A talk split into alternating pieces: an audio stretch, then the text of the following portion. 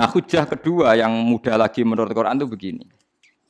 Sekarang misalnya ya, yuridu wa bikumul yusra, Allah itu menghendaki mudah. Itu kalau kita maknani, itu gampang.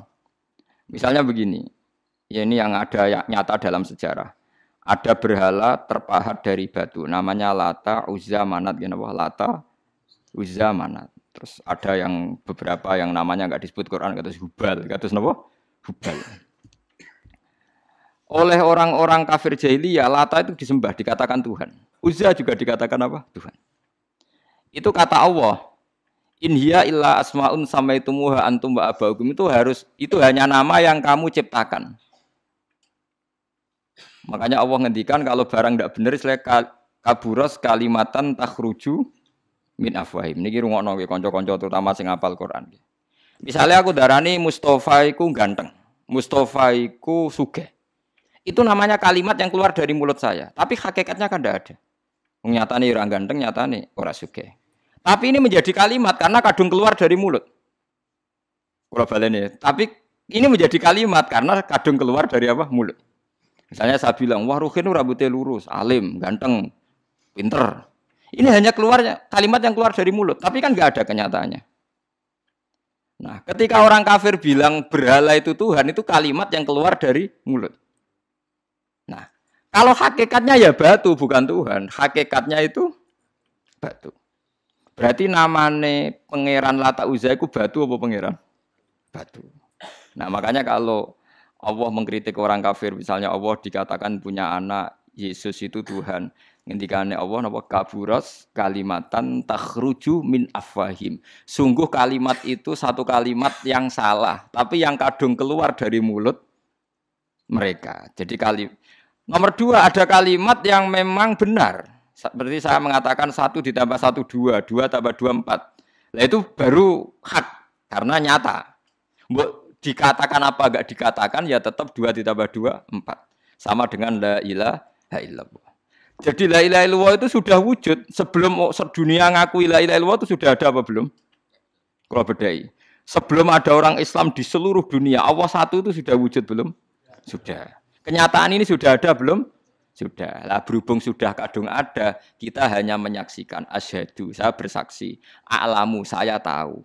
Karena sudah ada, makanya disebut falam annahu la ilaha Wong sudah ada, kita tinggal tahu, tinggal bersaksi. Nah, kalau yang tidak ada itu mbok dikatakan pun tetap tidak ada, itu hanya jadi kalimat yang keluar dari mulut, wong barangnya tidak tidak ada. Itu disebut apa? Kaburas kalimatan takhruju min afahim. Iyakuluna illa kadiba. Jadi kalimatnya itu ada, tapi fakta yang ditunjuk kalimat itu tidak ada. Faham ya lah. Mulanya ciri utama agama itu kulja al haqqu wa zahaqal batil. Barang hak itu pasti ada, yaitu Allah. Barang batil ya pasti tidak ada. Pangeran telu itu tidak ada. Waktu jadi pangeran itu ono. Santet ngasari dadekno aku mati ku ora ono. Mulane kula santet wong ora tau tolak santet. Wong cara kula santet mboten enten. Nah, percaya jajal nggak mati aku, paham gitu. Ini gitu. Memang nggak ada. Lo soal misalnya, tapi wonten Gus yang mati ono domain yang wetenge ngene. Ya sing ono dom. Iku jenenge ya santet itu biasa itu. Lah nak mati kena santet itu biasa kepelit stroke ya mati. Kena virus. Cara kula di pantai di santet itu malah lambat, kadang telung dino lagi mati. Cas pleng truk. Cas pleng pesawat. Jadi ini ku yang paling angel nih gue bab-bab tauhid. Sebenarnya tauhid itu gampang, buatan jelimet. Makanya Allah melatih kita yuri dua bikumul yusro. Andekan manusia seluruh dunia dipoling untuk melihat Lata dan Uzza. Itu apa? Gak usah ada orang Islam, gak ada orang kafir. Gak usah intervensi. Pasti mereka jawab itu batu. Andekan Isa Yesus itu dipampang di dunia, orang polling, orang Islam kafir, gak ada intervensi. Pasti akan bilang itu manusia. Paham ya? Tapi lewat rekayasa dicitrakan itu Tuhan. Lata uzia dicitrakan itu Tuhan. Nah, itu disebut wa makaru wa makarawa. Jadi di makro, dia didesain sedemikian rupa. Misalnya di Yunani itu orang kalau bilang Tuhan itu akal, makanya bilang logos. Log itu logos. Tuhan itu arot. Ini ngono sampai salah, nah salah kafir teman. Tuhan itu arat, Tuhan itu sifat. Jadi Tuhan itu tidak ada zatnya. Kemudian log logos ini nempel di Yesus kata orang Kristen. Sehingga logos. Log logika akal. Makanya kalau orang filsafat darah ini Tuhan itu akal satu, akal dua, akal tiga, akal. Makanya disebut logi, ideologi, log. Nah, pertanyaannya kemudian saat Allah itu arot, Allah itu log, kemudian belum ada tempatnya Allah bergentayangan di mana? Sebelum Yesus ada terus lalu Allah bersemayam di mana? Terus ada orang majusi bersemayam di api. Nanti yang orang kafir jahiliyah bersemayam di arca-arca itu. Yang orang kuno majusi di mana di gunung apa? Mungkin orang sugian di gunung kawi macam-macam itu terus. Wah itu kan terus jadi repot. Repotnya adalah kalau sifat itu harus nempel di dat. Dan datnya mana nggak jelas. Itu satu. Nomor dulu, nomor dua, sifat itu sama mausuf itu mesti dulu mausufnya. Nah, makanya kata ahli ilmu kalam, Jangan pernah kamu mengatakan Tuhan itu sifat. Kalau Tuhan sifat nanti butuh nempel nopo? Enggak. Makanya terus kita diajari walillahil asmaul husna. Allah itu zat. Kemudian pada zat ini ada asmaul husna. Jadi mulai dulu Allah itu al-qayyum, zat yang berdiri sendiri. Nah, ini pentingnya ngaji. Mana wong alim alim mesti wali. Ono wong alim rawali goblok goblok wong alim. Mereka seneng duit. Kudune wong alim iku wali.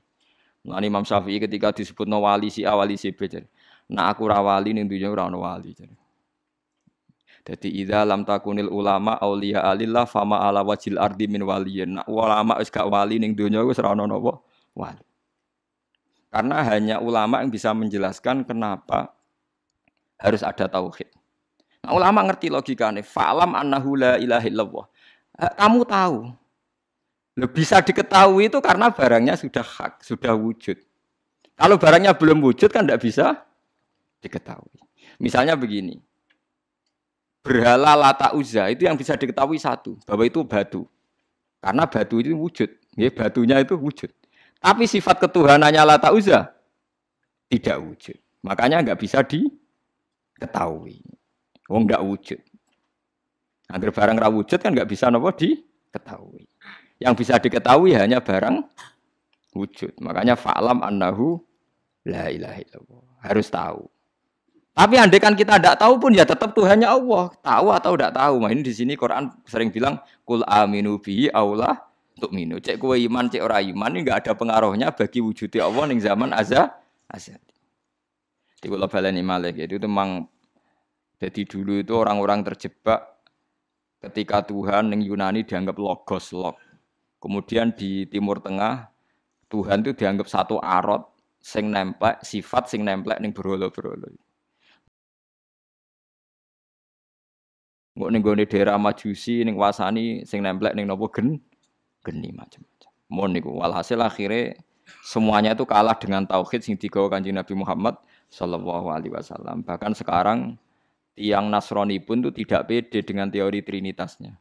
Orang kan sekarang tahu semua kan perdebatannya Ahmad Didat sama Stanley Fisher itu macam-macam itu kan sampai ada seorang mahasiswi dari Swiss ketika yakin sifat Tuhan yang dijelaskan Ahmad Didat bilang sepertinya Tuhan Anda lebih menarik. Karena dibilang Tuhan Islam itu tidak punya anak, tidak diperanakkan, tidak ada padanannya. Kalau Tuhan Anda ini padanannya banyak gini-gini terus itu ada orang tertarik. Sepertinya Tuhan Anda lebih menarik. Karena sifatnya lebih apa? ya lebih menarik. Terus tadi maknanya walat itu kalau menurut ilmu kalam itu dua. Walat itu anak fisik, anak gen. Atau walat maknanya tawalut, konsekuensi dari satu hal. Tapi tidak karena diciptakan. Itu tadi misalnya HP dan pulpen ini benturan itu menimbulkan suara. Suara ini diciptakan HP apa suara itu tidak ada yang menciptakan? Yuna ilmu kalam dibagas. Nah kamu bilang diciptakan HP, HP-nya sendiri tidak merasa menciptakan. Batu sama batu benturan, terus ada suara. Kamu bilang diciptakan siapa? Diciptakan batu. Batunya takoi. Kamu yang menciptakan suara itu. Enggak, saya tidak punya akal loh. Paham? Ya? Nah, lalu yang menciptakan suara itu siapa? Suara itu udah ada. Yang ada itu kamu dengar suara. Suara itu pengen darah ningun itu suara. Tapi nak cara akal darah ini sengono apa ya? Waktu. Waktunya apa? Benturan. Iki cara ilmu kalam. Lah suarane biar krupengku krungku suara. ya sudah begitu aja dah. Jangan sampai kamu menganggap kejadian alam ini kebetulan. Itu kue yang melukai tauhid. Semua alam raya ini diciptakan secara sengaja dengan irodah oleh Allah Subhanahu wa taala. Jadi lam yatawallat min wujudihi syai'un. Jangan sampai kamu berkeyakinan setelah Allah wujud otomatis makhluknya wujud. Berarti wujudnya makhluk tanpa kehendak Allah. Itu keliru. Itu ya termasuk tawalut. Kalau kamu meyakini begitu berarti terjadi keyakinan apa? Tawalut. Setelah ada Allah otomatis makhluknya ada. Itu ya dosa besar. Kafir. Nah, mau dosa besar tapi apa? Kafir.